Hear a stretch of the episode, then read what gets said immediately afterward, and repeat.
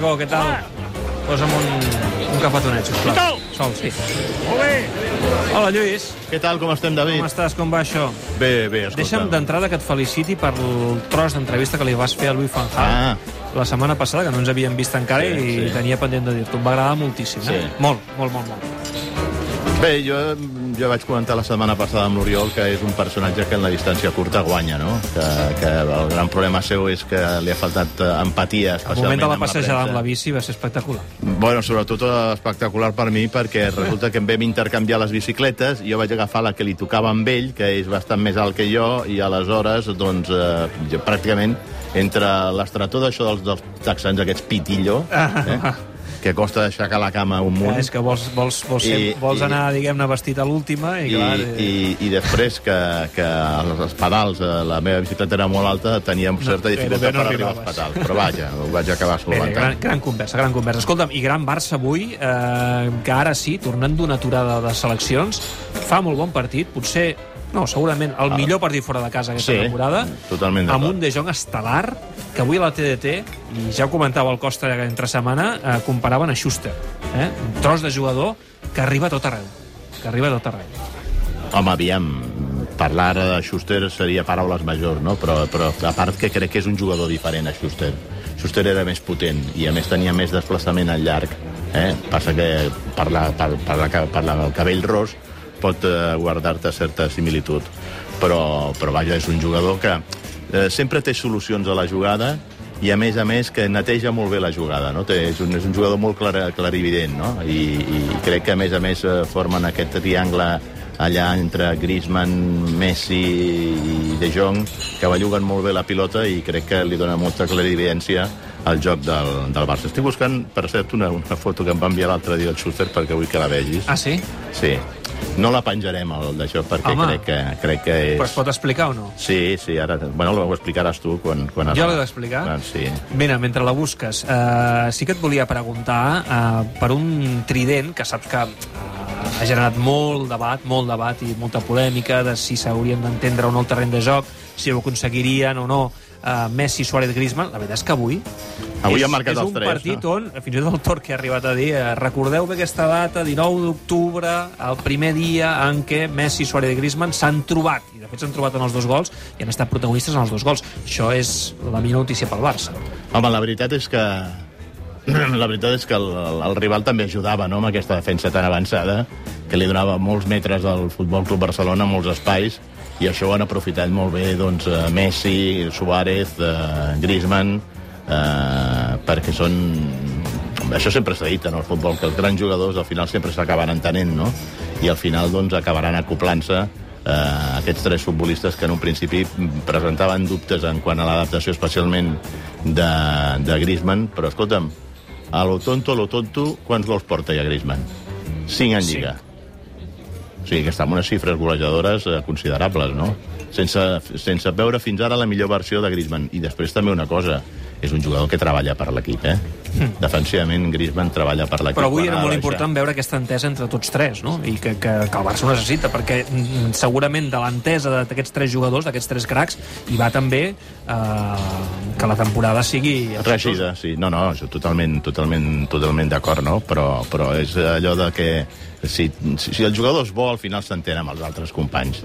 I, i Griezmann és un bon futbolista. Jo no, no, no, no m'atreviria a dir, com va dir ell, que podia menjar a la mateixa taula que Messi o, i Cristiano Ronaldo, però és un, un jugador que està en el top 10 mundial i per tant és un bon fitxatge per part del Barça. Que hi havia aquestes eh, reticències respecte a la seva adaptació, que jugava en lloc eh, de Messi i que s'ha hagut d'adaptar una altra vegada a tornar a jugar per la, per la banda esquerra, doncs eh, era el hàndicap que tenia, però, però crec que pot formar un molt bon trident amb, amb Suárez i amb, i amb Messi, i sense oblidar que també el Barça té la carta Dembélé a la, a la, a la davantera, perquè avui amb els espais que donava aquest equip de, del, de l'Eibar, de Mendilibar, no m'imagino l'estit que podia haver fet el, el, el, el vestit de l'indumentària del, del, de l'Eibar, Ah. un jugador com Dembélé. Avui molts culers han tingut la sensació, finalment, això comença a rotllar, això comença a enlairar-se. Ja sé que a vegades aquestes coses són molt relatives, no? perquè després fas dos partits dolents i, i, i, i tot se'n van orris, no? però la sensació que ha donat el Barça avui és de ser molt fiable, de ser molt sòlid. Molt sòlid darrere, perquè era un equip que... Amb la, que la, tití. un tití, Amb un amb un tití tití. titular, Sí, sí, ho ha- ho ho ha fet molt bé, nota, eh? ho ha fet molt bé. està molt bé. Jo era dels que creia que un tití no jugaria, no? perquè després de 5 mesos d'absència, de bones a primeres, que et posin allà a Ipurua, amb la pressió que et fa l'equip de Mendilibar, amb totes aquelles pilotes que pengen a l'olla, que és un joc molt, molt directe, eh, hi havia un cert risc, no? però, i a més a més, eh, Todibó no ho va fer gens malament contra, contra el Sevilla, no? I per tant, doncs, considerava que era molt arriscat eh, fer jugar un tití de, de sortida i, menys aguantar els 90 minuts com ha aguantat tranquil·lament, no? Per tant, és una molt bona notícia perquè el Barça recupera una molt bona peça a la defensa i, per tant, doncs, aquí haurem d'entrar en aquesta disputa ara per, per dos llocs entre un tití Piqué i l'Englet. El Barça ha estat molt sòlid darrere, eh, i després eh, el, el, el, el domini el control que tenen al mig del camp amb jugadors com Busquets, que avui ha tornat una altra vegada a la seva posició de mig centre, De Jong, eh, Arthur, home, donen un, un control de, de, de pilota que pocs equips tenen en el, en el futbol europeu, no? I després els tres punyals de dalt, doncs... És que el Barça té molt bon equip. El Barça té molt bon equip i ha fitxat dos jugadors que són jugadors top, com és el cas de, de Griezmann i de, i de De Jong. Per de Jong, per cert, aplaudit avui per Ipurua, uh -huh. en una substitució que també ha tingut el seu valor simbòlic, no? Per Rakitic, no? Clar, l'entrada de Rakitic, que ara mateix està eh, sense opcions d'entrar en aquest 11 titular, i veient com eh, De Jong, el jovenet De Jong, s'endú l'ovació eh, fins i tot de l'afició rival. Però és que és d'aquests jugadors que cau bé a la, a la, a la gent, no? Té aquest, aquest posat és ros, és, és un, és un xaval Els rossos guapo. cauen més bé?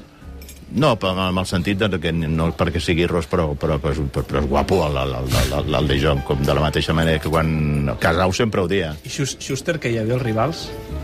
Schuster, és que Schuster tenia mala bava, Per eh? això t'ho dic. Schuster tenia mala bava. Que, per cert, ja he vist la foto. Um, jo veig aquí Esgarrifa un, una mica, un eh? genoll infladíssim Sí, uh, en una, uh, amb una cicatriu allà una enmig. cicatriu que travessa de dalt a baix. Aquest és el seu genoll? És el genoll dret de Bert Schuster, el mateix que el va lesionar eh, Goicoechea, Sí. i que amb el pas dels anys i després de...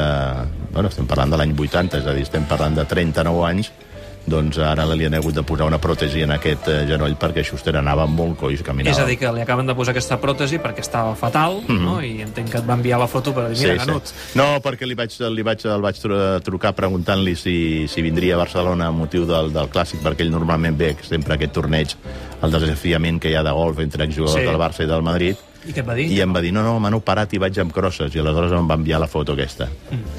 El clàssic, ja que treus el tema, mm, creus que fa bé el Barça d'estar de, de, d'estar d'acord amb aquesta data que jugui el 18 de No, desembre? aviam, aviam, el Barça, el Barça eh, volia jugar el, eh, el 26. Mm. El Barça mm, i el Madrid. Aquí, aquí el gran problema ha estat una vegada l'egocentrisme del senyor Tebas, que sense encomanar-se a ningú, sense trucar ni al Barça, ni trucar al Real Madrid, és a dir, no va trucar, no va, el, el, el CEO del Barça, l'Òscar Grau, no va rebre cap trucada per part de la Lliga o de Tebas advertint-lo de que volien fer aquesta proposta al comitè de canviar, del comitè de competició de canviar la data.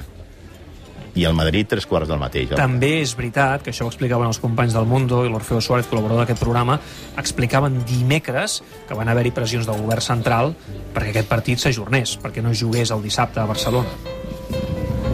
M'imagino que d'un cop, un, un cop el, el, el, va fer aquest moviment eh, Tebas és quan van arribar les pressions del govern central, sobretot perquè si, si la Lliga feia la proposta sabies perfectament que per l'antagonisme que hi ha a la federació entre Lliga i federació li haguessin tombat aquesta proposta. Però a partir de que el Consejo Superior de Deportes, que és l'Estat, que és el govern, ja va suggerir el canvi de, de data i l'ajornament del partit, és obvi que sabien que era un, un, una data i una ocasió que li brindava al, al procés i a l'independentisme català un aparador internacional mundial eh, brutal, no? Perquè, perquè estem parlant d'un dels partits eh, per excel·lència de la temporada, no?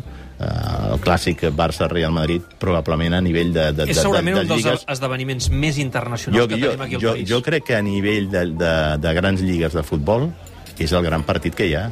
O sigui, no es veu ni superat perquè pel United-Liverpool per al Juve, el No, Juve, potser no Juve Inter? no arribaria cap, cap, cap, cap, cap. Ni, ni el Boca River, per molt que No. té moltes tensions. Per tant, tu imagina't el que podia haver estat, no en quant a incidents, perquè estic convençut que no hi haurien hagut incidents, però sí en quant a parador reivindicatiu per l'independentisme català, una oportunitat eh, com, com, el, com el que aquesta. passa que a Tebas li surt el tret per la culata perquè al final serà el 18 de desembre, que és un dimecres, I ell a les que nou. volia Correcte, i el que volia era, sobretot, jugar un dissabte al migdia per tirar endavant tota una campanya de promoció al futbol asiàtic, i això li ha sortit malament. Bueno, el que farà Tebas, o el que faran és un canvi, no?